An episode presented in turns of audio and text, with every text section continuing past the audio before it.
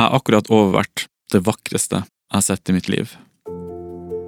Min brorsønn på tre år, sittende foran en Commodore 64 i 2019 og maser om å finne ninjadrakten. Over senga hans har han én plakat. Den kom med eska til Commodore 64-spillet Sam's Journey. På plakaten kan vi se Sam og de forskjellige draktene som man kan finne i spillet. Hver drakt gir én power-up. På natta ligger min lille nevø under plakaten og drømmer om å finne alle draktene. Og på dagen maser han på min bror om å spille Sam's Journey så de kan finne dem. Min nevø snakker om Sam på samme måte som vi snakker om Guybrush. I dag skal vi snakke om nye spill på gamle plattformer. Velkommen til Retropodden. Det var bra fint. Det var bra fint sagt. Tusen takk. Ja. Det, det høres jo så, så profesjonelt og ryddig ut også med den fine bakgrunnsmusikken. Ja, takk for det. Vi eh, tok vel den første låta vi fant på musikksiden eh, vi gikk for. Ja. Litt sånn skyet og drømmete. Ja. Men det funker jo fint, det er en eh, retropodkast, Det gjør det. syns jeg. Å være litt drømmete. Ja, ikke sant? For uh, Sam's Journey er et spill jeg har oppdaga ganske nylig. Som er et spill som kom ut til Commodore 64 i 2017, rundt juletider. kan det Ja, stemme? stemmer. Ja. Eh, På julaften. På julaften, faktisk. ja. Ja. For en julegave. Og jeg testa det her i 2018. Da bestilte jeg det i julegave på mange måter til meg selv. Og spillet kommer på eh, Commodore 64-spill kom stort sett på kassetter, som jeg kan huske det. Vi har aldri vært, hadde aldri, Diskettstasjonen kom aldri til Vadsø egentlig på Commodore 64. Og det her, Sam's Journey, det kommer ikke på kassett, for det tror jeg kanskje er forhåndsert, men det kommer på diskett. Og det kommer på cartridge. Altså en Commodore 64-cartridge, som jeg heller da ikke visste at var en greie. Som jeg har sjekka litt ut. Og det kom noen cartridge-spill i Commodore 64 tiden sin tid, på en måte. Men eh, det var mest i starten, og så gikk man helt over på kassett og diskett. Og så har det nå skjedd et eller annet utvikling de siste åra hvor man igjen har klart å pimpe den cartridgen veldig til å kunne gjøre ganske kule ting. Så i Sam's Journey så kan du annet save progressen din på cartridge, alle sånne ting, så det blir nesten som et moderne spill. Og Sam's Journey er et fantastisk spill. Det ser helt fantastisk ut. Det ser ut som et 16-bits Amiga-spill. Altså Commodore-spill har jo ofte hatt litt sånn chunky grafikk, og det har vært mye begrensninger i hva du kan gjøre. Men uh, demoscenen der har hele tida drevet og dratt ut og dratt ut og prøvd å få mer og mer ut av det og gjøre mer ekstreme ting. Og jeg vil si at det de har gjort, på mange måter har resultert i Sams Journey. Altså Da har du brukt alle triksene du kan for å lage et spill som ser fantastisk ut. Det bare bevegelsene på karakteren er superdeilig. Hvordan skjermen beveger seg når du flytter deg rundt. Alt det her er liksom Jeg syns det er over Nintendo. Altså Jeg syns vi har tatt igjen Mario liksom på en maskin som aldri burde kunne lage noe som er så godt. Fargene veldig fine, og de har klart å lage et kjempegodt gameplay med Altså Et veldig engasjerende gameplay hvor du har eh, levels som ikke er sånn umulig vanskelig å løse. Det handler ikke så mye om å dø, som det gjør i veldig mange av de gamle Commodore-spillene. Eh, Det handler om å leve. Ja. så, så, så det handler om den tar checkpoints, du saver, den saver det til minnet, du kan starte det opp hvor du vil. og eh, det er level som du kan klare ganske lett, og så er det masse secrets du kan finne for å liksom Hvis du har lyst til å spille det lenge. Måte. Så jeg vil si det perfekte spillet, og det klart beste spillet som har kommet ut på Commodore noen gang. Du får spilt det på emulator og sånne ting, Yes. men uh, du kan også bestille en fysisk kopi fra Nights of Bites. Eh, og da får du det med en flott pakke, med en plakat i og alt. Altså det her er Er du glad i Commodore 64 og glad i retroting, så, så jeg kan ikke anbefale det varmt nok. altså. Nei, ikke sant? Så spennende. Jeg har jo ikke spilt det spillet her, men jeg har spilt mye annet Commodore 64-spill. Du snakka noe om noen power-ups også? Ja, uh, det måten de har løst power-ups på her, er at du har forskjellige drakter. Så du kan ta på ninjadrakt, da kan du klatre på veggen. liksom. Du kan uh, ta på mange andre drakter. Og så får du sånne power-ups. da. Jeg tror det er seks forskjellige du kan ta på. Å, såpass, ja. Det er Som moderne puslespill er lagt opp, at du må liksom plukke opp den for å kunne komme videre til det. Du må tenke litt rundt da. Som ikke var så mye av på den tida når Commodore-spillene hadde sin storhetstid. Nei? Og også noe med vanskelighetsgraden. Jeg syns mange av de gamle Commodore-spillene er så ekstremt vanskelige. liksom. Så her, Jeg lurer på om den tanken var litt sånn at folk kommer til å kjede seg med det her spillet hvis de ikke jeg lager det vanskelig nok. Mm. Og så blir de fort ferdig. Ja, Jeg blir for fort ferdig. De kjøpte Ja. spillet til 90 kroner på Saxi. liksom. Ja. Nå må de sitte og spille det litt, og så å nei, vi må gjøre det sånn at det blir så umulig vanskelig at du aldri blir ferdig med Ja, det. ja, liksom. ikke sant? Flere år med underholdning. Green Beret var et eller annet spill jeg spilte det Commodore 64-spill som jeg aldri har kommet forbi level 1. Ikke engang i voksen alder. Det er meg helt umulig. Såpass, ja. Ja, Det er ganske utrolig. Det er, det er jo veldig mange av de spesielt de her gamle europeiske plattformspillene som er veldig bygd på prøving og feiling. Du må kunne levelen utenat. Det første som, som eh, jeg tenker på, er jo da uh, Rick Dangerous. Som virkelig er helt klin umulig Ja. hvis du ikke har spilt det 150 Men ganger. var det artig. Det har en ganske god uh, spilldynamikk, Ja. syns jeg. Bare det, med at du sprenger noen bomber og sånn. Veldig tight og, og kult spill, og det, det, det er også veldig bra kontroller. Og, og bra spill, men mm. klin umulig. Men det har kommet ut mange andre nye spill til de her gamle plattformene de siste årene, vil jeg si. Det har jo nesten vært en, en revolusjon. Hvis man kan kalle det en revolusjon. Jeg vet ikke om man kan kalle det en revolusjon. Men veldig gøy, da. Og i hvert fall når du får dem i fysiske, skikkelig digge pakker. liksom. Hele Ja, den der det er ganske har jeg av det. Bare, ja, det er ikke alle som kommer i det. Mange er litt sånn downloads, for det koster jo ganske mye, å er til å trykke opp de greiene. Men de som kommer i det, altså å holde den pakken i handa er Det lukter så nice, det er så godt å ta på. Det er bare Det Er tar deg rett i ja. i, nei, den ikke den kommer vel i en sånn der grå papp med sånn der bobleplast rundt. Med okay. jeg husker, Så tar du den ut, og så er det liksom bare mm, Ikke sant? Så der har de en jobb å gjøre, de har pakket den i plastikk. Ja, de har en liten jobb. Ja. Har, det, det, Men det har kommet mange andre nye spill til gamle plattformer på mange måter. Og du har Mm. jo testa et gammelt spill til en gammel plattform på nytt. Ja, det var en fin setning. ja, det var godt sagt. Ja. Uh, så det er en tulling som driver og porter Eller han driver og lager Civilization for Commodore 64. Uh, han kaller det 8-bit Civilization. Eh, og for alle oss som har spilt en del Civilization 1 og 2, eh, så virker det ganske absurd å skal kjøre det spillet på en Commodore 64. Men det funker.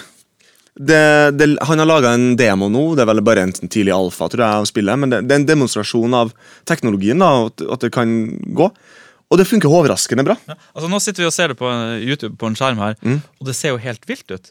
Altså det ser jo, For det første det ser jo ikke ut som Commodore 64. Jeg kan ikke skjønne hvordan du får de fontene, hvor du får så klar tekst.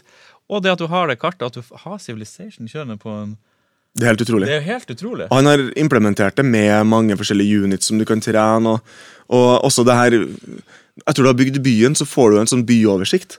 Der du kan plassere ut eh, borgerne dine for å gjøre forskjellige oppgaver. Der du kan velge om du vil prioritere eh, jordbruk og få inn masse mat, eller om du vil prioritere eh, utvinne eh, Så ganske økonomi. dypt, da dypt, liksom. Ja. Og alt det funker. Alt er implementert i demoen. liksom Når jeg sitter og ser på noe, så minner det meg Altså Grafikken ser litt ut som Populus 2. Mm. Kom det til Commodore, eller var det et Amiga-spill? Ja, det er Amiga-spill. Ja, Mm. og bare det er jo da ganske imponerende, egentlig. At de får det til. Jeg skjønner ikke. Altså, hadde noen av de her spillene kommet ut i 1989, så hadde det bare vært sjokk. Ja. Vantro. Folk hadde gått bananas. 100% i sett Commodore 64. Ja. Det, så er det nok sånn som du nevnte i stad, at eh, det, man har vært avhengig av eh, 30 år med, med demokodere ja. for å komme til det punktet her. Eh, For å utnytte hardwaren så utrolig godt Mm. at man klarer å lage noe som ligner på Civilization, eller som er Civilization, da, Mm. på, på Commodore 64. Nei, jeg blir veldig spennende å se. Det virker som Nights of Bites jobber med nye spill. At det er, det er flere av de som holder på. Så jeg veldig gleder meg til å se hva som kommer ut på spesielt Commodore 64 fremover. Jeg vet at det er en lignende scene på Amiga, men jeg kjenner ikke så mye til den. Har du sjekka ut den? Ja. Det har jo ikke vært uh, altså Commodore-plattformen er mye mer populær blant sånne demokodere enn Amiga-plattformen. Synes jeg det virker som, i hvert fall. Broren til Leif er faktisk med i en sånn demogruppe. Ja, stemmer. Han har sikkert vært med i den i da 30 år, eller noe sånt. Ja, lager- litt sånn av og på. Mm. Mm, stemmer. Hoaxers. Shout-out til Hoaxers. Ja. er, hva er navnet til broren din? din eh, Artistnavnet? Hva kaller det egentlig? Handle, tror jeg. Ikke Ja, det? handelen. Eh, jeg tror det er parody. Parody. Så shout-out til Parody. Ja, ja, ja. Ja. Bra. Har vi noe demo? Har du sett noe demoer av han? Ja da. Det har skjedd masse, masse av de tingene som Hoaxers laga. Som jeg har vært med på Det er stort sett grafikk han har tatt seg av Ja. i den gruppa. Men de er Eh, C64, de være Ja. uh, gjeng. Men ja, Amiga, er det, noe, det noen nye spill på vei dit, liksom? Det er jo en del, uh, men det virker som at i Amiga det, det har på en måte ikke vært noe enighet om arkitekturen der. Det er det som har vært litt problemet. Det, det kom jo ut eh, PowerPC-akseleratorkort for Amigaen Ja. ja. sent på 90-tallet. Og så var det som tok over litt. Og det vil si at, at, eh, at Amigaen har jo en prosessor som er sånn vanlig prosessor. Mm. Og så er det det RISK-arkitekturen som er PowerPC eller et eller annet Ja. sånn. Mm. Og det er en helt annen arkitektur, så da Ja. kan du plutselig ikke spille det. Nei. Ok, sånn at eh, Så til din Super Amiga 1200 Mm. kan du putte inn en, en PowerPC-prosessor i den. Man, man kunne i, i prinsippet har gjort det. Ja, og da vil du få en helt annen arkitektur, så da vil ingenting av det du egentlig Da må du emulere eventuelt. De PowerPC-akseleratorkortene har også en sånn her 32-bits 68K-prosessor på seg. Alltid. Riktig. Enten en 040 eller en Så du vil kunne spille eldre Ja. Så det, det man gjør da, er at man eh, legger inn eh, den, de driverne man trenger i operativsystemet, sånn at operativsystemet kan kjøre på PowerPC-en, Mhm. eh, prosessoren, og så kan man da f.eks. Eh, spille en del spill og programmer som utelukkende ble laga for PowerPC på Amiga-plattformen. Mm. Men det kan jo hende at det også har gjort det litt vanskelig for, for eh, demoscenen, eller også folk som skal kode spill, i og med at det har vært veldig sånn eh, segregert, på en måte. Mm. Er det man, er det man sier? Ja. Det er en måte å si det på. Ja, eh, det er liksom eh, Community har vært splitta. Ja, litt som Sør-Afrika på Ja, ikke sant. 80-tallet. Men um, nå virker det jo som om at med det her Vampire Accelerator-kortet, som er helt kompatibelt med den gamle 32-bits-arkitekturen, så kan det virke som at uh, den plattformen er litt på vei tilbake igjen, og folk er mer komfortable med å, Riktig. Men det, er, kode det på det. har liksom ikke kommet ut etterpå. Jeg vil jo tro det har skjedd noen ting på Amiga-fronten nå, at man også har vært en liten revolusjon fra starten til at man klarer å få den til å gjøre mer og mer utrolige ting, Mm. til at man vil liksom kunne lage noen ganske utrolige spill. For jeg husker jeg spilte jo 3D-spill på Hunter. Mm. Det var et fantastisk spill, syns jeg. Altså det var en, Jeg tror på mange måter at det var mitt favorittspill. Altså, det var virkelig det der å, å boote opp Hunter. Det, Hunter er et 3D Amiga-spill. Mm. Ikke så ulikt eh, Grand Theft Auto. Nei, ikke sant? På mange måter. Ja. Du, du, du kjører rundt i båter, i biler, i et 3D-univers, plukker opp noen greier. Aldri skjønt noe av den storyen. Det er en slags story, noe greier du skal Men det var det vel ingen som brydde seg noe særlig om, for bare opplevelsen av å gå rundt i et 3D-univers var så stort. Du kunne vel skyte. Det var umulig å treffe noe som helst. Jeg tror det hadde som våpen du kunne skyte folk, liksom. Okay. Men det var helt umulig å treffe noe fordi det var så tidlig 3D-greier. Ja, ja, ja. liksom, at du, du skjønte ikke hvor du sikta. Men i og med at det fungerte, så skulle man tro at man virkelig kunne lagd noen ganske heftige ting til Amiga 500. da. Så vidt jeg kan forstå, så har ikke den der eh, den der revolusjonen som man eh, ser på Commodore 64, eller da eh, de her 30 årene med, med nerder som sitter og hamrer løs i maskinkode, det har ikke funnet sted i Amiga-community, så vidt jeg kan se. da. Det man, det man har masse av, derimot, er jo ports av forholdsvis nye ting. For eksempel Scum VM Ja, er porta til Amiga. Men var ikke mange av de Scum-spillene på Amiga? Altså, Monkey Island er vel skrevet i Scum. Bare Scum VM var jo det um, Lucas Art. De lagde jo mange text eller sånne adventure-spill som var veldig populære. Og Monkey Island kanskje det mest populære på Amiga. i hvert fall Ja. De lagde en motor som het Scum. Scum VM. Og i den motoren lagde de da de forskjellige spillene. Ja. Og det kom jo ut mange spill etter Amigaens historietid også, da, som ble lagd i Scum VM. Så det er vel de spillene som kanskje har blitt porta tilbake? da, eller noe sånt? Ja, altså det, Scum VM er jo da Scum Virtual Machine. Og den gamle motoren heter jo da bare Scum. Ja. Og Scum VM nå Uh, Ah, så det er motoren, det her er Scum VM? Er, ja, jeg skjønner, så Ja. den virtuelle en virtuell maskin der du spiller det? Ikke sant? Og den støtter mange flere spill nå enn LucasArts-spillene. Oh, ja! Så den støtter nesten hele spillbiblioteket til Sierra også. Ah, for jeg har ikke sjekka det ut på fem, seks, sju år, egentlig. Skam-greiene. Det er så mye, det er så mange spill som er støtta der. Og så er det jo også litt interessant at uh, de her Amiga-portene av eh, spesielt kanskje Sierra, sene Sierra-spillene, Mhm. er jo helt utrolig dårlige. Ja. Så jeg vet ikke, Har du spilt for eksempel Space Quest 4 på Amiga? Nei? Det, det er et mareritt.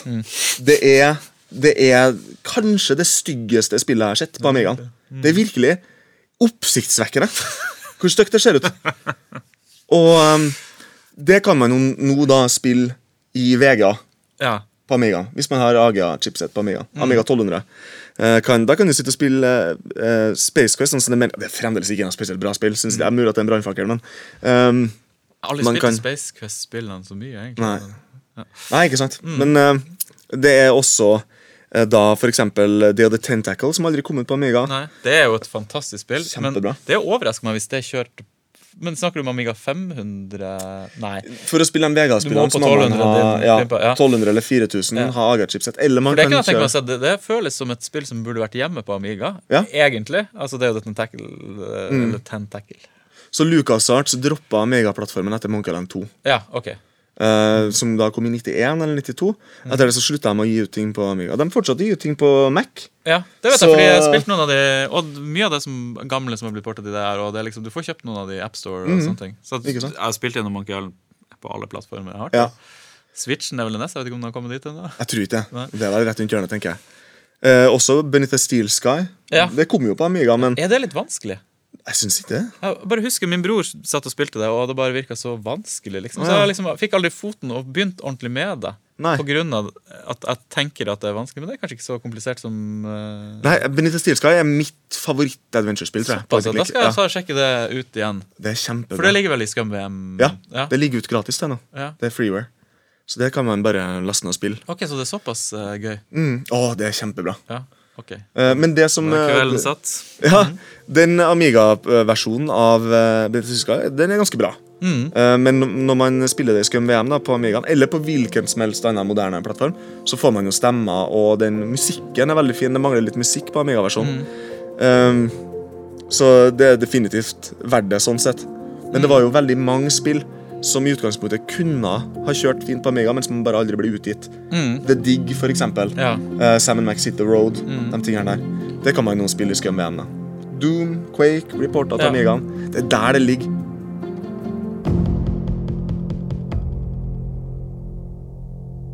På, vi satt jo lenge og chatta på Finn-appen, og Leif. Eh, Men så eh, gikk vi over til WhatsApp eh, på et tidspunkt, og i det siste så har jeg fått noen helt ville videoer.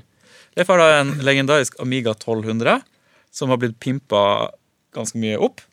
Og jeg har jo alltid trodd Amiga 1200 er en litt bedre versjon av en Amiga 500. Kanskje dobbelt så bra. Litt over dobbelt så bra. Der av 1200. Men det har jo vist seg at det er jo et monster av en maskin. Og Leif har jo brukt sin Amiga 1200 til langt opp på 1000-tallet til 2000-tallet til å skrive oppgaver og, og, og liksom brukt det som en ordentlig datamaskin. Surfe rundt på internetten. Eh, og jeg har fått noen videoer nå der han sitter og spiller Quake på en Amiga. Altså, Quake det er jo et helt vilt spill. Jeg husker vi satt på Pentium 75. Hakka det ganske greit. Når du kom opp på liksom de her eh, Pentium 3, var det det som kom etter det? Jeg husker ikke alle det. Nei, du hadde flere megahertz. Du var liksom oppe på Pentium 233 megahertz. Det Ja, var liksom da det begynte å gå smooth, sånn som jeg kan huske det fra okay. back in the days i Vadsø. Ja, ja. Mens du har jo sendt meg et bilde av en ganske smooth versjon av Quake kjørende på en Amiga. Mm. Hvordan har du fått til det? Nei, så Det er jo da tilbake på at den er ganske, sånn, den er ganske oppgradert, den Amigaen. Uh, så jeg kjører en, uh, en 060-prosessor klokka til 66 MHz på den Amiga 1200. Eh, men Quake, sånn som jeg har det hjem til meg nå, det kjører på AGA-chipsettet. Så det er jo en del ting som gjør at 1200-en er en kraftigere maskin enn 500. Eh, men en stokk Amiga 1200 med 2 MB ram og 020-prosessor klokka er 14 MHz det er, bare, det er ikke snakk om at den kan spille eh, noe som helst av Quake eller Doom heller. Um, jeg tenker vel i utgangspunktet med en, med en ordentlig godt programmert port, så er det grunn til å tenke at den ikke kunne ha kjørt Wolfenstein 3D. Men det er nok dit det strekker seg. som Ja. utgangspunktet. Det hadde vært gøy å se noe sånt da, kjørende på en stokk. Ikke sant? Ja. Men styrken til Amiga 1200 er jo da at den har en sånn her eh, oppgraderingsport som, eh, som Jeg lurer på om ble introdusert med Amiga 2000 i utgangspunktet, som er bare direkte kobla på CPU-porten. Der du kan sette inn et akseleratorkort og, som, som har eh, 256 megabyte ram og opptil 80 MHz, eller med en PowerPC-prosessor opp til 240 MHz. Riktig, altså du får en heftig Mm. ja. Og da kan du spille Conflict Free Space 2. Nei, 1, for dem som husker det. Kom Nei, jeg på-. Nei, en sånn uh, Wing Commander-aktig spill, men full 3D, ordentlig fett uh, kult. Mm. Så i hvert fall, uh, Quake kjører jo da hjem til meg på AGA-chipsettet, som også er en av styrkene til Amiga 1200 og 4000, som er dramatisk oppgradering av det her eh, original custom chipset som er inne i 500. eh, så, som da støtter 256 farger og diverse sånne ting. Er din 1200 inne i et kabinett, eller er den inne Den er nå i et tårn. i tårnet? Ja. Eh, men har Altså, man kunne ha kjørt, kjørt den med det her akseleratorkortet som jeg har, bare i, et, i en vanlig, Vanlig Amiga. Mm. Pakke. Uten noe problem. Det er fascinerende. Så jeg tror nok at det er der eh, mesteparten av, av det som lever i Amiga-communityet, sånn når det kommer til programmering, er i sånne ports. Det er veldig mye som blir laga der. Ganske, folk er ganske ivrige. Det har vært en utvikling på DOS-fronten. Ja. Jeg, tenker da på han 8-bit-guy, som er en internettlegende, som har en eh, artig YouTube-kanal der han snakker om mye gammel teknologi, egentlig. Han har drevet og lagd et spill eh, til diverse plattformer. Han begynte vel på Commodore 64. Stemmer. Eh, Nei, var det VIC 20, da? VIC-20 er den første versjonen av det spillet. Det var et spill han egentlig begynte på hvis det, Mulig jeg husker helt feil, men han begynte på det for mange mange år siden. Et eller annet, så forkasta det, og så har han tatt det opp igjen. eller noe sånt. Og det heter X X, Planet X3 Planet heter vel det siste. heter det, ja. Planet X3 det siste. Så først var Planet X, Planet X2, og så Planet X3. Yes. Og Planet X var vel på Commodore 64? Ja, nå er på en måte mi jeg, jeg mener at det er på VIC 20. Så. Ja, den første er på VIC-20. Ja, og så nummer to er på Kommune X2, 64. det høres riktig ut, ja. Ja. Og nå har det kommet en DOS-versjon Ja, som er X3. Ja. Som ser ganske kult ut, syns jeg. Det ser ordentlig bra ut. Egentlig. Ser Ja. kult ut, ja, enig. For X2 har jeg ikke testa X2. Det burde jeg jo egentlig få bestilt med en kopi av Ja, og teste. Det så litt kronglete ut på Bare det jeg har sett av video, uten at jeg har testa det egentlig. Kanskje, Det er- om det, men Det er jo da et realtime strategispill. Litt sånn i ånden av Red Alert, og, eller kanskje nærmere beslekta til Dune 2. Mm. Der man eh, bygger base, bygger units, utvinner råvarer fra forskjellige sånne her rare planter og sånt, Ja. mineraler. Mm. Og så om å gjøre da bare knuse fienden, Ja. motstanderen. Um, det høres jo veldig artig ut. Jeg bør jo teste det ut. Jeg bare, ja, har bare tenkt at det er så komplisert når han sitter og snakker om det, men det er jo et spill som eh, Det har fått bra anmeldelser òg. Ja, det Så- virker som at folk liker Mm. det godt. Jeg har heller ikke spilt det. Men den her eh, DOS-porten som en lager nå, eh, det her også driver han vel, så vidt jeg har forstått, å, å skrive i maskinkode, eller nei, i, i eh, assembly. Ja, for du Ja. må ganske nært prosessoren til for Ja. å få noe tempo i det. Ikke sant? Og ja. han har da bestemt seg for å støtte Sega og Vega-grafikk. Mm. Og det skal visst kjøre glatt på til og med en 8088. Ja, så det er super. Han har programmert det veldig bra. Ja. Mm. Så det, det hadde vært interessant også for meg å teste bare på DOS-maskiner. Ja. Har jo en, en Du har en ordentlig DOS-maskin ja, ja. stående. Står, og, står der og, og samler støv. Han selger vel sikkert disketter da? Når, eh, har det Ja, kommet ut? Har det, har det kommet ut? Ja. Jeg er helt sikker. Der kan man også si at det er jo nordmannen som lager musikk til, til det Ja, det er, så, er, det, er det han fyren som alltid driver og Som lager mye musikk til Ja, kanalen hans? og sånt? han eh, Anders Enger Jensen, Ja. vet du?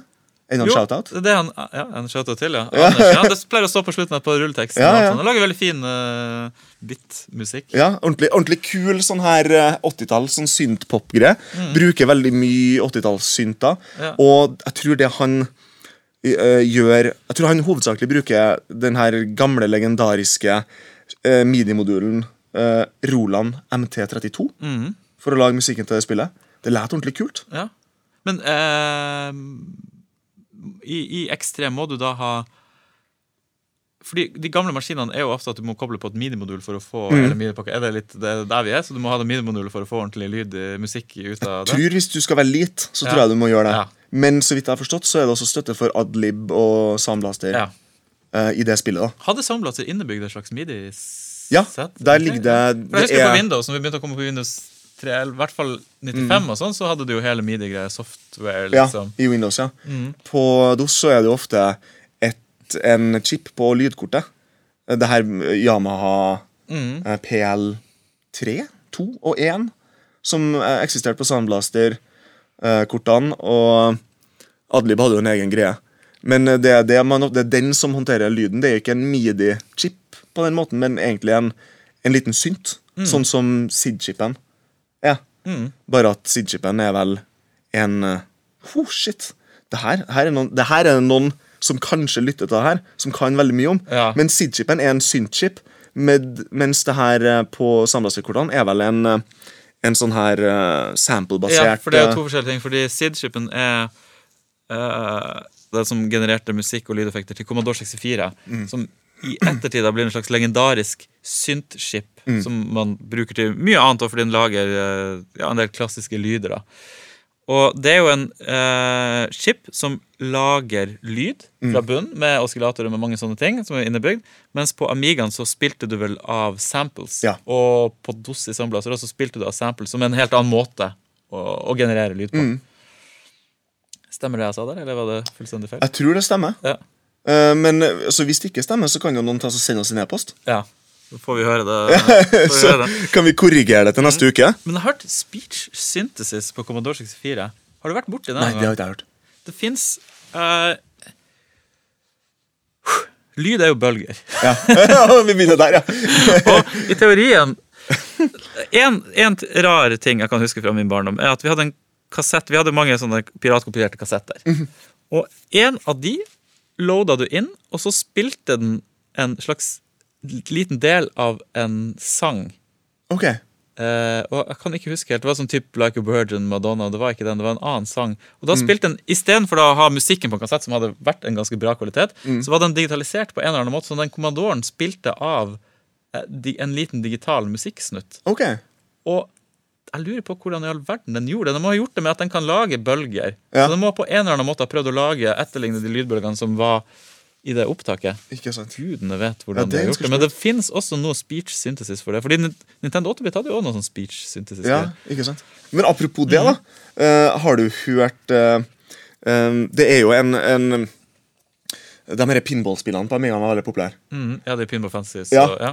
Og det var veldig Dice. Det er jo nesten Dice. Ja, mm. Og han Kisen, jeg husker ikke hva han her heter, han svensken som laga den musikken, men det er jo veldig veldig kjent for å ha Mm. Awesome musikk. Ja. ja.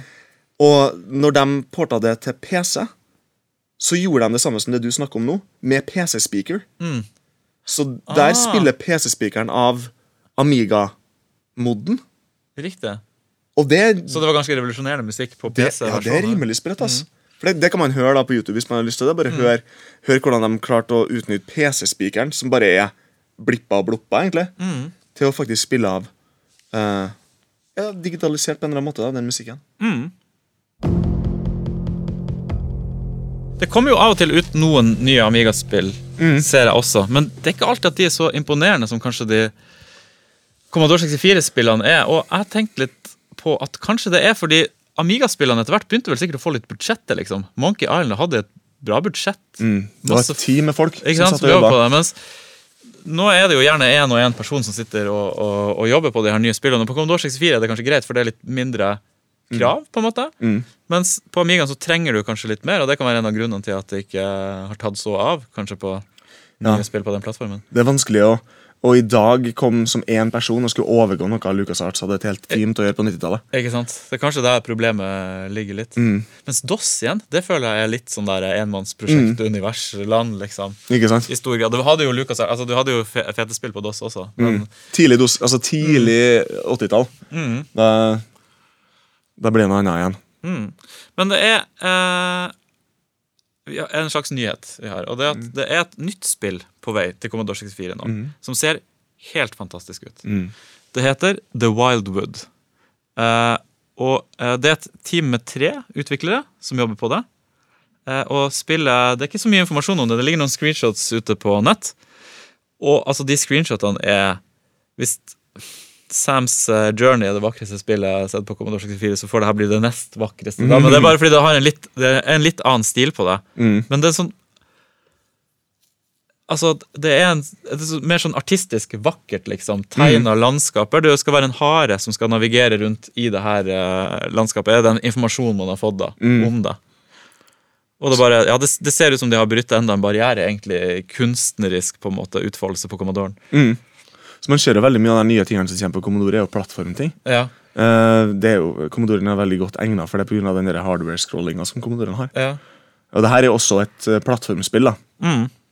Men det ser ikke så plattformsk ut som, uh, som mange andre. Nei, det kan du si. Så, en sidescroller er kanskje en bedre beskrivelse Ja. enn plattformspill. Det så ut som det var statiske. Altså, det er jo bare bilder og konseptart som finnes. Det ser ut som for meg statiske bilder, og så beveger du deg fra ett bilde til det neste, kanskje.